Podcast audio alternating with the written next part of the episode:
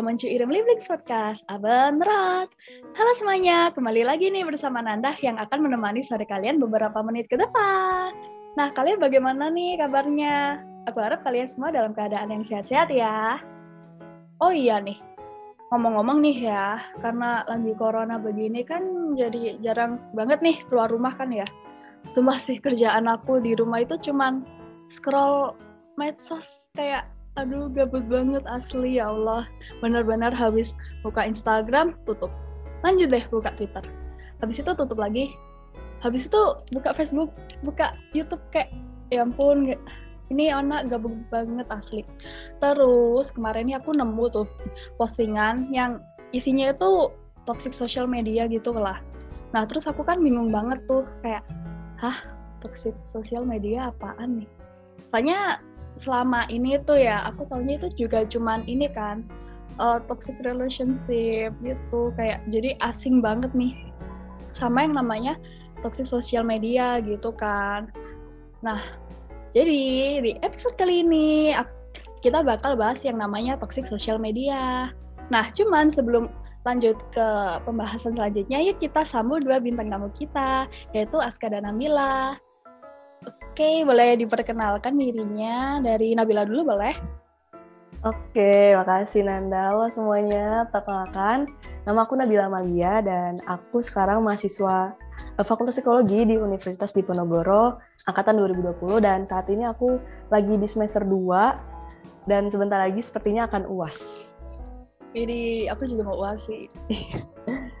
Oke, yuk boleh Aska. Oke, makasih Nanda. Uh, perkenalkan semua, namaku Aska Anindita.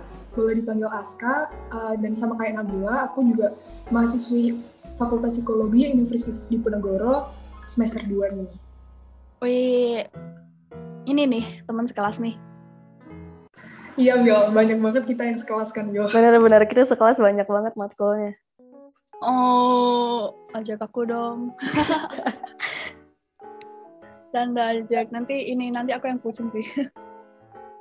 Oke nih, jadi kan aku ini nih, uh, jadi ceritanya kan kemarin habis nemu tuh postingan yang tentang toxic social media.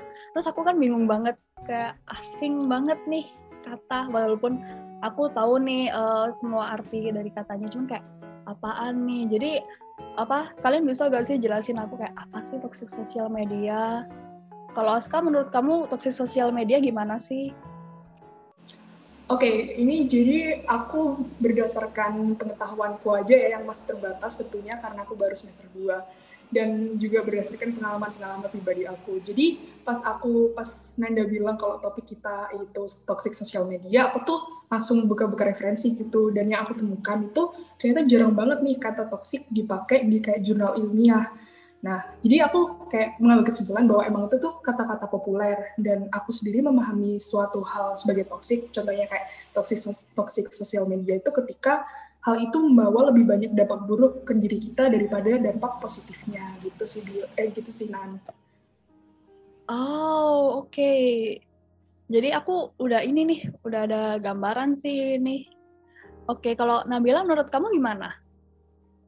Oke, ini aku mau disclaimer juga ya kayak Aska karena uh, aku masih mahasiswa mahasiswi semester 2 juga jadi pengetahuan aku terbatas. Nah, ini sebenarnya kata toxic media sosial ini mungkin udah pernah aku alamin. Jadi um, definisi eh pengertian yang bisa aku kasih buat mendefinisikan toxic social media ini adalah uh, media sosial yang memberikan dampak negatif ataupun dampak buruk um, yang bikin kita tuh nggak nyaman dan juga bikin kita tuh ngerasa kayak nggak uh, aman gitu selama main media sosial dan biasanya ini uh, dampak negatif atau dampak buruknya ini lebih apa ya menjurus ke emosi ataupun perasaan kita sebagai penggunanya. Kalau menurut aku kayak gitu. Oh, oke okay, oke. Okay. Makin ini nih, mak aku makin ada gambaran nih. Cuman kayak aku jadi bingung sih ini tetap uh, soalnya ini kan kayak cuman media sosial gitu kan kayak di mana kita bisa lihat uh, foto dan video dan kayak kita juga bisa posting atau juga kayak nge-live gitu kan kayak sebenarnya tuh lebih ke kayak mm, membagi ini enggak sih kayak kehidupan kita atau momen-momen menyenangkan. Nah, jadi aku itu bingungnya itu kayak ini cuman media sosial kenapa jadi bisa toksik, kenapa kita bisa selama main itu jadi nggak aman, nggak nyaman gitu. kalau Nabila sendiri gimana? Oke, jadi sebenarnya bener banget itu media sosial itu sebenarnya cuma media sosial ya kan. Pembuatnya itu sebenarnya membuat media sosial aplikasinya kita ambil contohnya misalnya Twitter atau Instagram gitu. Tujuan utamanya ya buat ngasih hal yang positif gitu buat sharing story buat sharing cerita sharing foto sharing video apa pun kegiatan kita gitu di kehidupan nyata. Tapi wadahnya ini kan wadahnya bersih gitu ya kayak Instagram tuh sebenarnya bersih awalnya. Nah terus banyak banget pengguna yang pakai dan pengguna penggunanya itu sebenarnya ngasih dampak negatif yang secara nggak kita sadar tuh ngasih dampak buruk buat kita sebagai penggunanya gitu. Dan menurut aku kenapa dibilang toksik karena ya postingan ataupun komentar-komentar negatif yang ada di media sosial itu sebenarnya yang bikin toksik. Kalau aplikasinya nggak nggak nggak toksik kan tentunya, tapi isi di dalam media sosialnya itu ya orang-orangnya, postingannya, komentarnya, dan juga mungkin ada doktrin-doktrin ya kayak informasi eh, informasi-informasi yang salah itu kan banyak banget di media, media sosial. Nah itu sebenarnya yang bikin media sosial jadi toksik. Oh oke, okay. sekarang aku jadi paham. Aku kira yang kayak berarti aku kira kayak masa sih uh, media sosialnya dari awal toksik kayaknya juga kan kayak enggak orang kita juga cuma uh, sharing-sharing gitu kan oke okay deh makasih nah kalau Asa gimana nih uh, kalau dari aku sih secara garis besar sama kayak Nabila. Jadi kayak nggak mungkin kan suatu hal itu diciptakan buat emang ngasih dampak buruk. Pasti pada awalnya itu suatu hal diciptakan karena memberi banyak manfaat memberi banyak manfaat buat kita kehidupan kita. Dan emang kita kalau sebagai individu pasti pertamanya ingin pakai sosial media itu buat kayak uh, mencakup uh, menjangkau teman-teman yang jauh gitu kan terus buat melihat konten-konten yang menarik buat kita dan gimana sih bisa jadi toxic itu menurut aku benar kata Nabila jadi kayak orang-orangnya penggunanya itu kayaknya nggak bijak dalam menggunakan sosial media sehingga bisa uh, membuat lingkungan yang dianggap sebagai toxic itu dan bisa memberi dampak buruk buat kita sebagai individu kalau kita juga tidak menggunakan secara bijak gitu sih Nan. Oh oke okay. berarti kayak uh, faktornya yang besar ini dari ini ya orangnya sendiri yang bisa dikatakan nggak bijak gitu ya dalam menggunakan si media sosial ini. Oke nih, aku jadi makin paham sih ini. Cuman apalagi ya, hmm, kayak aku masih ini nih masih penasaran lagi kan. Uh, jadi ini kan katanya karena toxic social media ini bisa membawa dampak buruk yang kalau katanya Nawila tadi kan bisa ini kan uh, merujuk pada emosi gitu kan ya. Itu kayak gimana sih Nabila bisa dijelasin nggak? Oke, ini kita eh, konteksnya sekarang mungkin dampaknya ya. Kalau menurut aku sendiri sebenarnya dampaknya banyak banget yang bisa kita bahas di podcast ini, tapi tentunya bakal panjang banget. Nah, aku bak mungkin bakal nyebutin beberapa dampak yang uh, berdasarkan pengalaman aku sendiri nih biar bisa relate sama teman-teman yang dengar podcast ini gitu. Bisa ngerasa oh iya aku juga ngerasa kayak gini. Nah kalau menurut aku sendiri itu dampak buruknya yang paling aku rasain ya pernah aku rasain itu adalah uh, cemas stres dan juga insecure gitu. Itu tiga yang menurut aku paling berdampak sih buat hidup aku. Kenapa uh, cemas? Jadi misalnya kayak kalau misalnya kita habis ngepost foto nih atau ngepost uh, story itu tuh bakal ada kecenderungan buat ngecek lagi gitu kayak siapa sih yang like? Siapa sih yang lihat story aku? Siapa aja yang komen? gitu. Terus kalau misalnya kita udah jauh dari HP kita udah jauh nggak lama cek media sosial tuh rasanya kayak pengen ngecek gitu. Kayak cemas sendiri kayak aduh aku pengen lihat media sosial nih ada apa ya ada apa ya? Siapa sih yang ngeliat uh, siapa sih yang follow aku? gitu. Itu kan udah uh, merujuk ke sana gitu udah udah nunjukin kecenderungan kita untuk cemas gitu. Padahal kan ya untuk apa gitu? Kita mikirin postingan yang udah di post toh mereka juga cuma lihat gitu. Mereka cuma lihat mereka cuma like cuma komen udah. Terus juga kalau misalnya cemasnya itu udah berkepanjangan itu biasanya kita jadi stres sendiri. Apalagi kalau cewek-cewek nih ya. Cewek-cewek tuh kayak ngelihat cewek lain yang lebih cantik gitu. Ih dia cantik banget ya. Ih dia mulus banget. Teman dia banyak. Keluarganya bahagia gitu. Kita mikirin kehidupan orang lain yang terpotret di dunia maya gitu. Padahal kita nggak tahu sebenarnya behind the scene kehidupan dia tuh sebenarnya kayak gimana sih. Tapi kita udah keburu kemakan sama potret dia yang di dunia maya. Jadi kita mikirin kehidupan dia, kita stres, kita kayak, aduh aku kayaknya kurang kurus deh, kayaknya aku jerawatan, aku pengen mulus kayak dia gitu. Kita jadi stres sendiri. Terus kalau misalnya udah stres, kita bisa aja dong depresi gitu, apalagi stresnya berkepanjangan dan terus-terus mengulang kayak gitu. Udah depresi, memungkinkan sekali nih individu-individu yang nggak punya regulasi, regulasi diri yang baik atau kontrol diri yang baik, dia bakal uh, cenderung untuk bunuh diri atau menyakiti diri dia sendiri. Karena ngerasa kayak hidupnya nggak adil nih. Aku nggak secantik dia. Aku nggak sebahagia dia. Dia di medsos medsos kok bahagia banget aku nggak bahagia kayak dia gitu. Itu kan buruk banget gitu. Mempengaruhi mental kita emosi kita perasaan kita terhadap diri kita sendiri.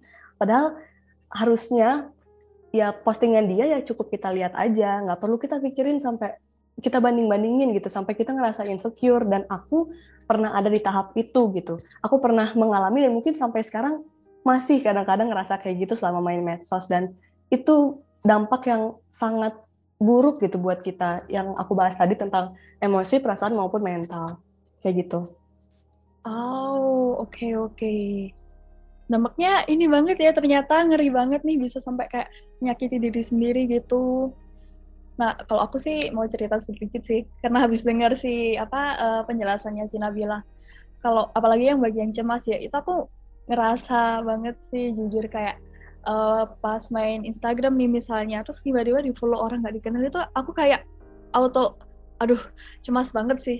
Pasti aku langsung SS tuh ya, SS tuh uh, akun terus aku pasti bakal tanya teman-temanku nih kayak eh kalian kenal ini nggak? Kalian kenal itu nggak? Terus kayak kan kayak takut banget kalau aku sih tiba-tiba di follow orang nggak dikenal kan kayak aduh ini orang apakah ini kali ya apa salah pencet follow? Ataukah emang aku username aku itu emang uh, sepasaran itu sampai orangnya salah? Gitu kan.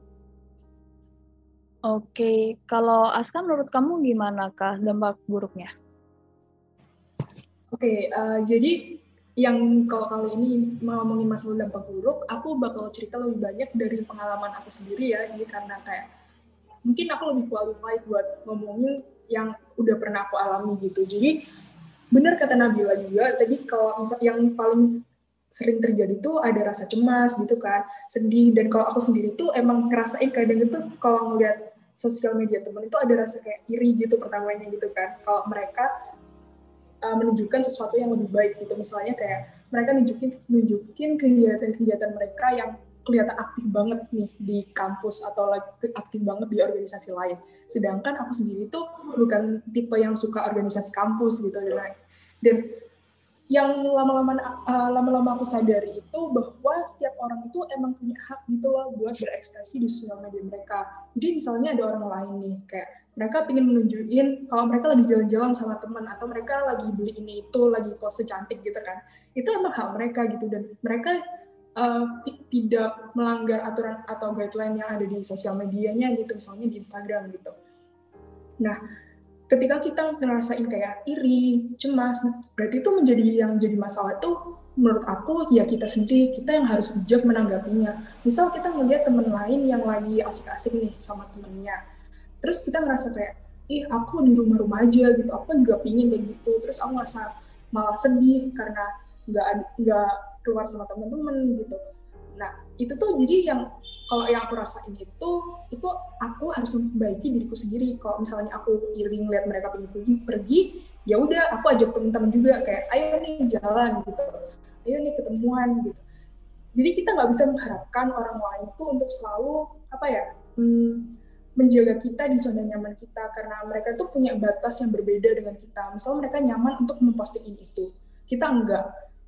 Ya udah, itu emang hak mereka untuk memposting itu ini tuh selama nggak melanggar guidelines yang ada gitu loh. Dan sering kali terjadi tuh kayak mungkin pernah dengar sih istilah ini ada namanya fear of missing out gitu. Jadi ketika kita ngelihat teman-teman kita mungkin yang ada di sosial media um, posting ke keseharian mereka, terus kayak posting hidup mereka dan kita ngerasa kayak ih mereka punya hidup yang lebih baik ya daripada kita gitu. Dan kita tuh ngerasa tertinggal ngerasa uh, inferior daripada mereka. Ini kan tadi juga udah dijelasin sama Nabila gitu. Dan itu menurut aku tanggung jawab kita untuk gimana sih cara kita ngeregulasi diri supaya kita tuh nggak merasakan emosi negatif dari mereka memposting hal itu. Justru kita itu merasa senang dan menjadikan itu motivasi dan uh, kita jadi dukung uh, lebih dukung mereka gitu kan. Jadi menurutku itu penting banget sih kayak dampak buruknya yang yang kita rasakan kayak rasa cemas, sedih dan iri karena sosial media itu perlu banget kita hmm, perlu banget kita regulasi dan kita harus pinter-pinter juga untuk gimana cara memanajemen perasaan kita gitu. Ini oke okay, ini. Tapi kalau aku sih juga setuju sih sama si Aska gitu kan kayak uh, aku juga pernah sih kayak aku baru ingat lah aku juga kayak pernah lah ya kayak iri atau insecure ke postingan orang lain gitu. Terus kayak kok bisa ya dia udah cantik bisa gini bisa gitu? Pernah kan ya pasti kalian ngerasain kayak gitu juga. Kayak dia kok multi talent banget aku kayak nggak bisa apa-apa dah. Kok kayak dia itu kayak brilian banget sedangkan aku udah kayak ampas kembang banget lah ya. Dan menurut aku sih kayak tapi ya juga bener sih kayak uh, untuk manajemen emosi kita sendiri juga kan. Soalnya uh, kan orang lain juga posting juga mungkin hanya untuk kayak uh, berbagi momen gitu ya kan. Kayak uh, misal nih kayak Aska habis foto bareng lagi uh, quality times nih sama si Nabila. Misal nih lagi main tuh terus kayak posting juga kan kayak ya ya udahlah ya kalau itu kayak ya, ya udah kayak kita kan harusnya kayak nggak usah inilah ya apa iri gitu kayak kok mereka main aku nggak? Gitu sih. Jadi emang balik lagi emang harus pintar-pintar manajemen diri sendiri gitu dah.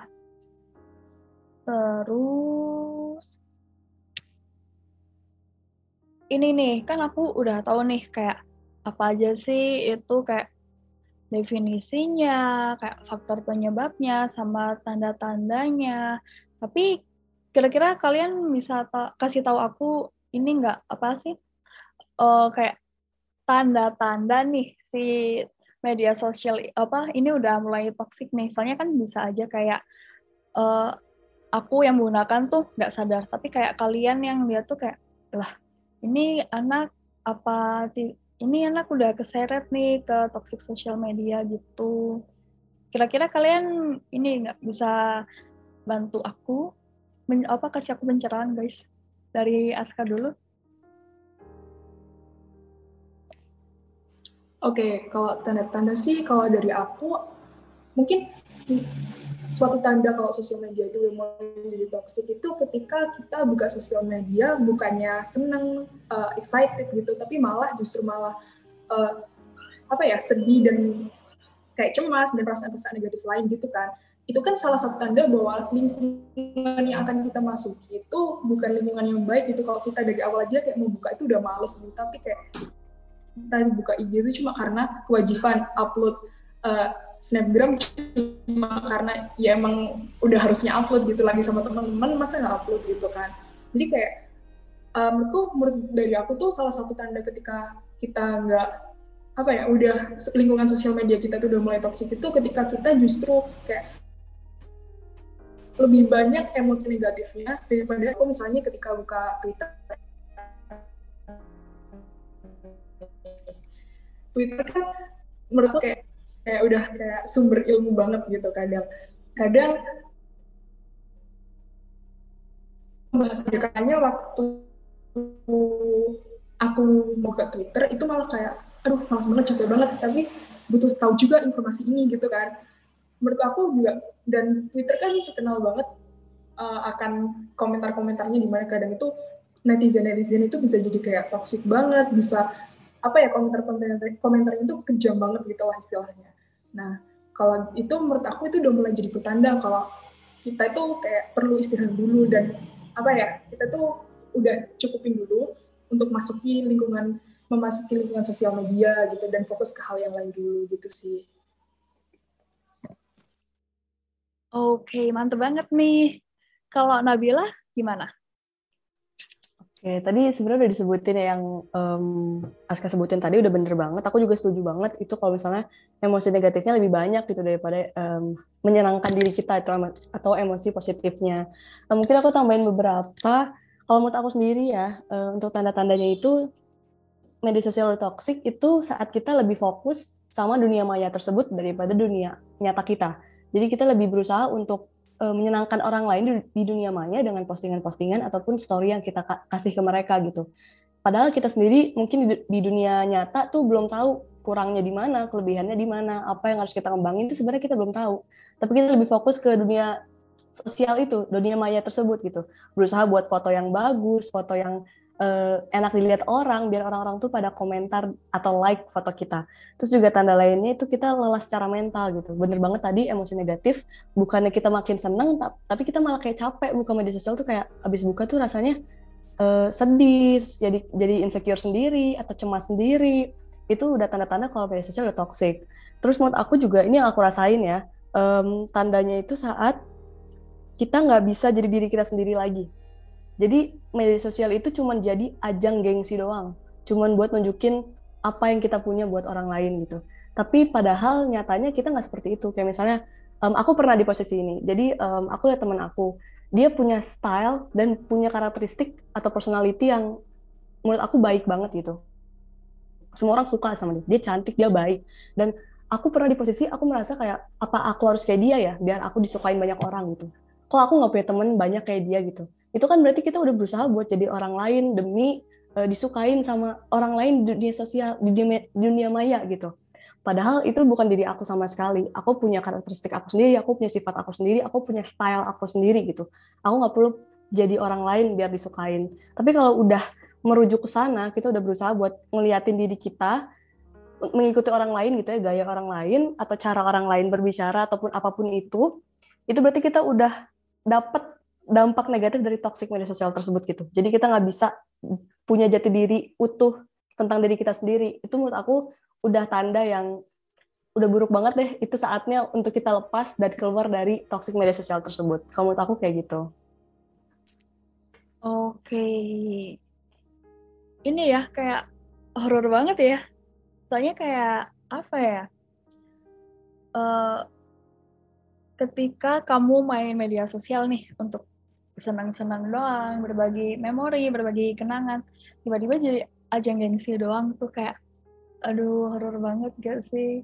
Apalagi yang sampai kayak nggak jadi diri sendiri itu kayak, hmm, soalnya pasti kayak beban banget lah ya di kita kayak, aku anaknya sifatnya begini, tapi untuk gengsi aku berubah jadi kayak gini.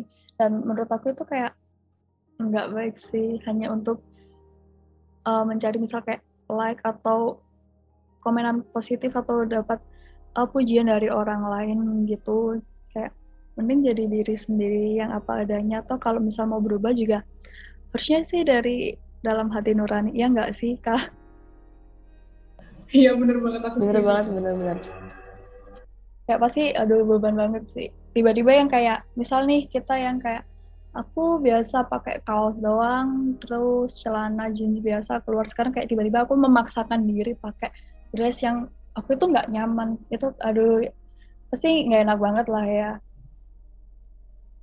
Iya sih, uh, Nan setuju banget. Kayak ada tekanan gitu kan Nan dari luar dari sosial media karena kita ngerasa harus menuhin ekspektasi orang lain gitu kan.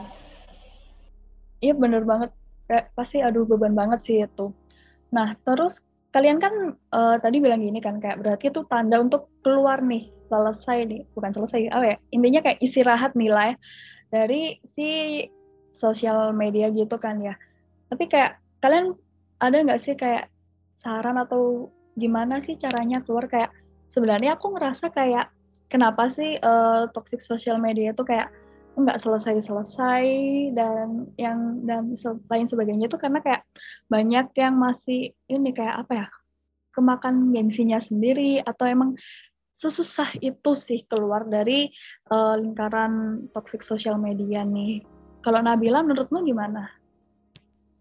Um, ini aku share apa yang aku lakuin saat aku dapat dampaknya ya, dampak dari toxic social media itu um, yang paling instan adalah emang harus uh, hapus hapus uh, bukan hapus akunnya bisa hapus aplikasi ataupun diaktif kalau di Instagram itu aku kan nggak main Twitter ya mungkin aku bakal bahas dari kontak Instagram itu aku diaktif diaktif akunnya.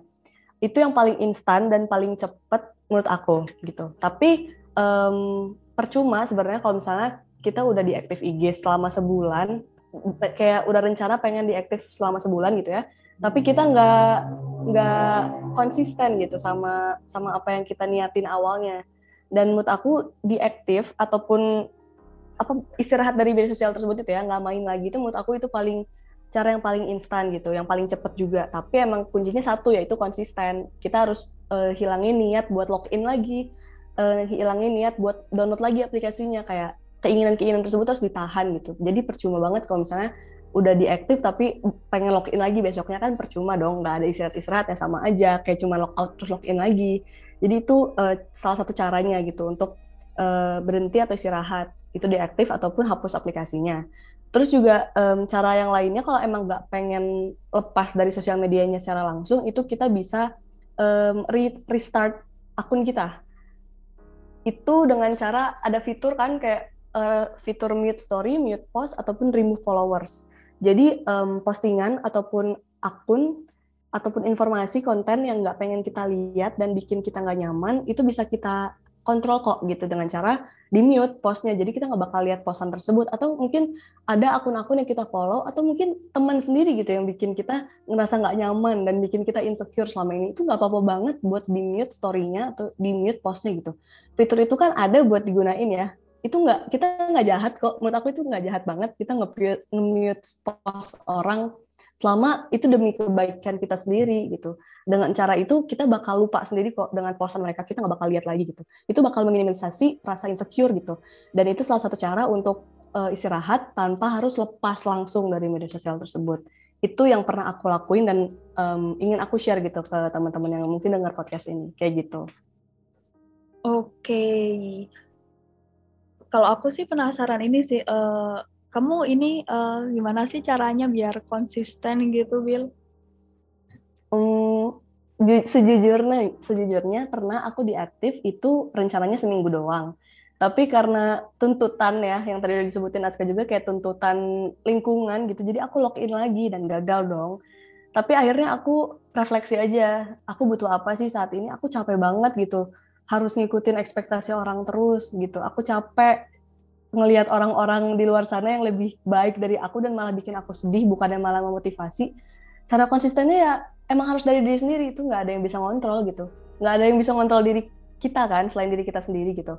Ya emang harus sadar kita butuh apa, kita maunya apa dan tujuan kita awalnya apa. Emang harus niat banget. Nggak ada yang bisa kita lakuin selain niat gitu. Karena yang kontrol diri kita sendiri ya kita doang gitu uh, lebih pikirin ke apa ya lebih pikirin ke dampak buruk yang udah kalian dapet dan pengen cari hal yang lebih positif lagi gitu jadi kalian lebih kuat sama niat yang udah kalian tetapin jangan sampai goyah lagi nih cuman karena pengen post story ataupun pengen update story doang. Kalau aku kayak gitu. Oke. Okay. uh, eh, terus ini nih uh, kamu selama di aktif itu kayak kira-kira ngapain aja? Soalnya pasti ini kan kayak uh, main media sosial itu udah kayak apa ya? Uh, kebiasaan yang kayak tiap harinya tuh udah harus ada porsinya gitu loh kira-kira kamu menghabiskan waktu itu ngapain aja?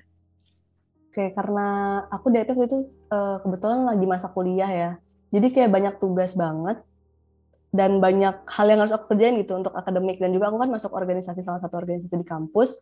Jadi aku sibukin sama tugas-tugas itu. Ya tugas-tugas yang mungkin deadline-nya masih jauh ya aku kerjain. Aku baca-baca buku atau aku nyatet materi yang belum aku ngerti gitu. Terus aku juga kan hobi banget main musik gitu ya dengerin musik juga. Aku ya main musik aku nyanyi-nyanyi aku ngobrol sama keluarga atau masak-masak bareng ibu aku minta resep ajarin masak. Atau pergi jalan-jalan sama papa aku ke mana kita jalan-jalan Bandung yuk cari jajanan lihat-lihat pemandangan. Cari kegiatan yang ya aku cari kegiatan yang jarang aku lakuin gitu. Kalau pas aku punya medsos yang biasanya aku rebahan di kasur lihat Instagram lihat um, postingan-postingan orang ya aku ganti kegiatan itu jadi kegiatan lebih positif gitu deketin sama orang-orang di sekitar aku yang mungkin selama ini jauh ya selama pandemi itu aku di kamar terus gitu dan itu sih kalau aku Nanda. Oke, okay.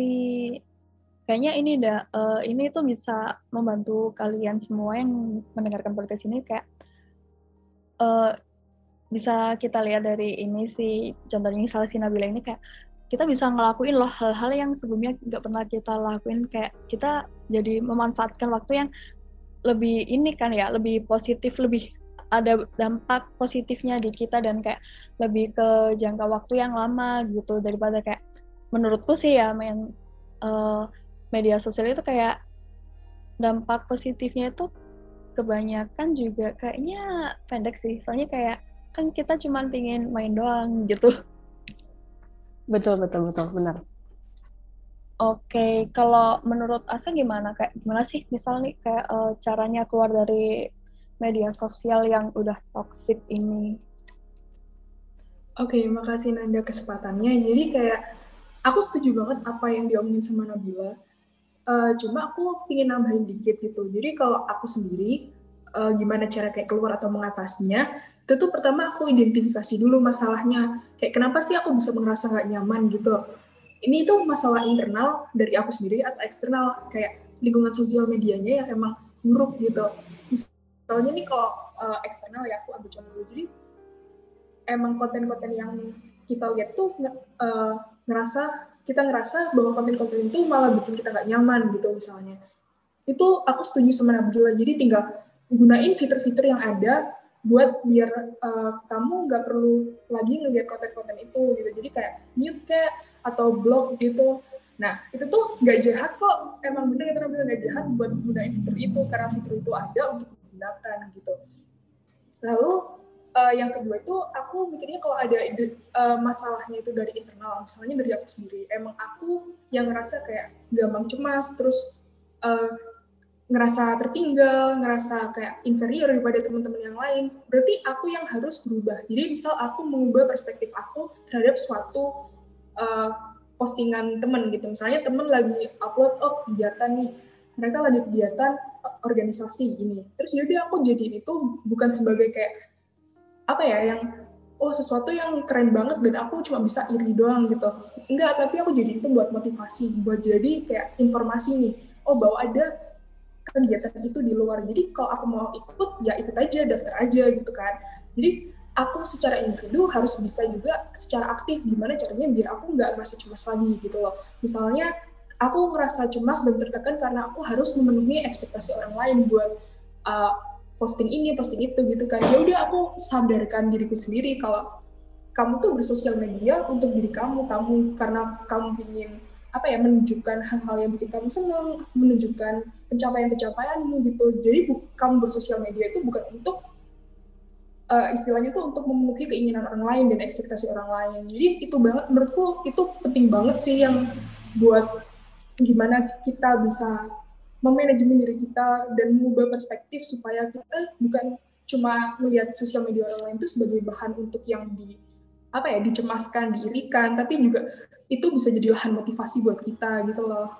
Terus uh, ada juga yang emang penting banget itu yaitu mengurangi waktu. Dan jadi karena gimana pun ya mau kita udah selesai masalah internal eksternal tapi kalau misalnya kita apa ya, terus-terusan ada di lingkungan yang kayak gitu yang bisa jadi ada potensi uh, potensi untuk membuat kita nggak nyaman itu tuh bakal cepat atau lambat kamu bakal ngerasa kayak mentally exhausted dan drained gitu loh.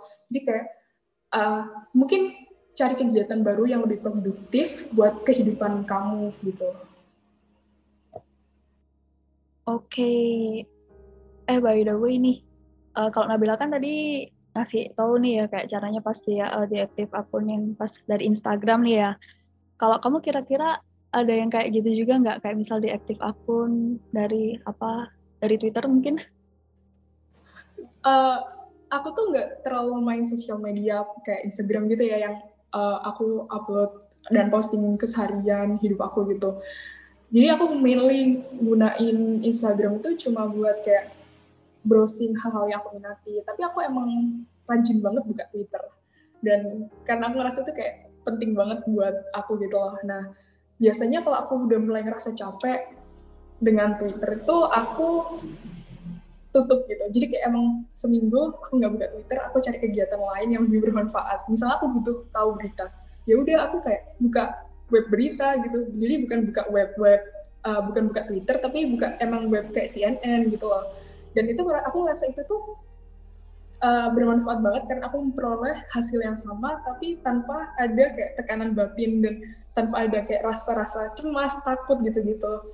Terus aku juga uh, tentu kayak cari kegiatan apa ya kasih rest time dan cari kegiatan lain yang lebih positif yang lebih produktif dan positif gitu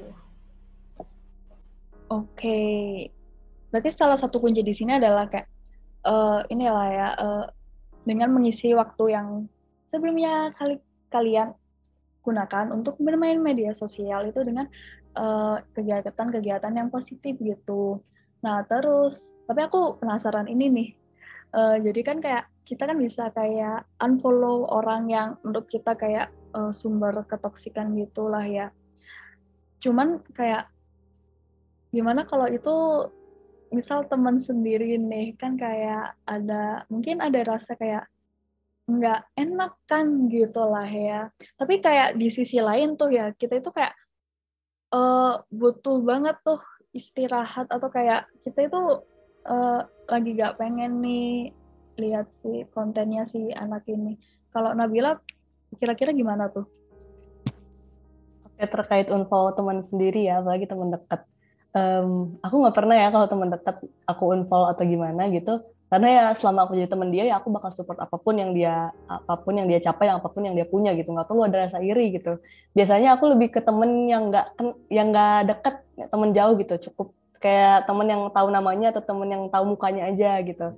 Um, kalau pendapat aku pribadi ya kalau misalnya merasa temen deket yang seperti itu di unfollow ya emang bener nggak enak ya. Malah jadi kesannya karena media sosial itu sekarang udah jadi alat komunikasi yang cukup lekat sama kita. Jadi kalau unfollow tuh kesannya kayak berantem ya.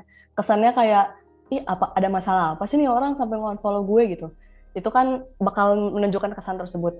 Ya nggak bisa sebenarnya di follow ya kalau misalnya emang temen deket tapi mungkin bisa di mute mute postnya atau mute story-nya gitu. Kan dia juga nggak bakal tahu kan kalau kita mute dan bisa di uh, mute post itu bisa mengurangi intensitas kita ngeliat postingan dia. Nah selain itu kalau untuk temen deket tapi kita nggak mau nge-mute gitu atau kita takutnya ketahuan gitu ya, ih kok posan aku nggak ada di explore kamu sih, kok posan aku nggak di timeline kamu sih, kamu mute aku ya gitu takut ketahuan misalnya. Ya itu dari diri, diri kita sendiri bener tadi kata Aska yaitu tentang merubah perspektif. Apalagi temen dekat gitu kita harus sadar. Ini temen aku loh temen deket aku aku bareng dia terus kok aku bisa sih uh, muncul rasa iri? Coba sadarin diri kita sendiri gitu ayo bangun bangun. Uh, jangan sampai iri sama teman sendiri. Harusnya kita ikut bangga sama dia harusnya kita jadiin apa yang dia punya itu buat motivasi buat kita dan juga buat uh, kebahagiaan kita juga gitu sebagai teman yang uh, deket sama dia gitu dan itu menurut aku pendapat aku sih karena aku nggak pernah ya kalau teman dekat jadi itu yang bisa aku sampaikan sih Nanda kalau tentang unfollow teman dekat sendiri Oke. Okay. Ya juga ya, soalnya kayak padahal juga ada mute kan lah ya, jadi bisa lah. Dan selain itu kayak bener juga sih yang pas bilang kayak ini teman dekat apa jangan iri gitu. Ya juga kayak memang bener sih kayak uh, nggak bisa dimungkiri lagi kalau misal kayak kita uh, iri gitu dengan pencapaian orang lain. Tapi kayak kita juga harus ingat lah ya kayak uh, orang lain itu uh, termasuk teman dekat kita lah ya, itu mendapatkan sesuatu sesuatu itu juga nggak instan kayak dia itu uh, pasti melakukan sesuatu sebelum dia mendapatkan itulah ya. Dan ketika dia melakukan uh, itu perjuangan itulah ya, uh, kita itu nggak melakukan. Jadi kayak menurutku juga sih kayaknya kita juga nggak seharusnya kayak membandingkan diri lah ya. Kayak janganlah bandingkan bandingkan cerita hidupmu dengan cerita hidup orang lain karena cerita hidup tiap orang kan pasti beda-beda gitu lah ya. Ya kan kayak ya Ti. Eski. Iya setuju banget. Kayak menurutku membanding-bandingkan diri dengan orang lain tuh kayak apa ya nggak perlu banget karena kita tuh pasti punya kelebihan yang orang lain nggak punya gitu loh dan perlu diingat bahwa apa yang ditunjukin di sosial media itu cuma baik-baiknya aja uh, baik orang lain maupun kita sendiri gitu kan kayak kita nggak mungkin kan nunjukin kayak uh, sedih-sedihnya struggle kita ke sosial media pasti yang ditunjukin itu pas hasil jadinya yang pas udah bahagianya udah pencapaian-pencapaian hebatnya dan itu yang perlu diketahui dari sosial media bahwa apa yang ditunjukkan di sosial media itu bukan berarti yang sebenarnya terjadi gitu. Oke, mantep banget deh ini. Kayak hari ini aku makin banyak nih dapat ini pengetahuan-pengetahuan baru dan kayak saran-saran baru. Aduh, mantep banget sih. Dan sebenarnya nggak kerasa sih, kayak waktunya kita udah habis nih. Oh, nggak kerasa banget, asik banget pembahasannya nanti. Iya, nggak kerasa banget ya, udah sampai akhir nih. Iya, nggak kerasa banget nih. Tapi untuk kalian semua dan para pendengar di rumah, jangan sedih ya, soalnya apa yang bakal selalu kembali membawa konten-konten seru dan bermanfaat untuk kalian. ngomong-ngomong jangan lupa nih untuk share akun Abandrot ataupun juga episode ini ke media sosial kalian agar orang-orang yang kalian sayangi juga tahu. Dan uh, konten ini juga bermanfaat untuk mereka semua. Dan ya seperti itulah ya. Danke für heute und tschüss. Tschüss.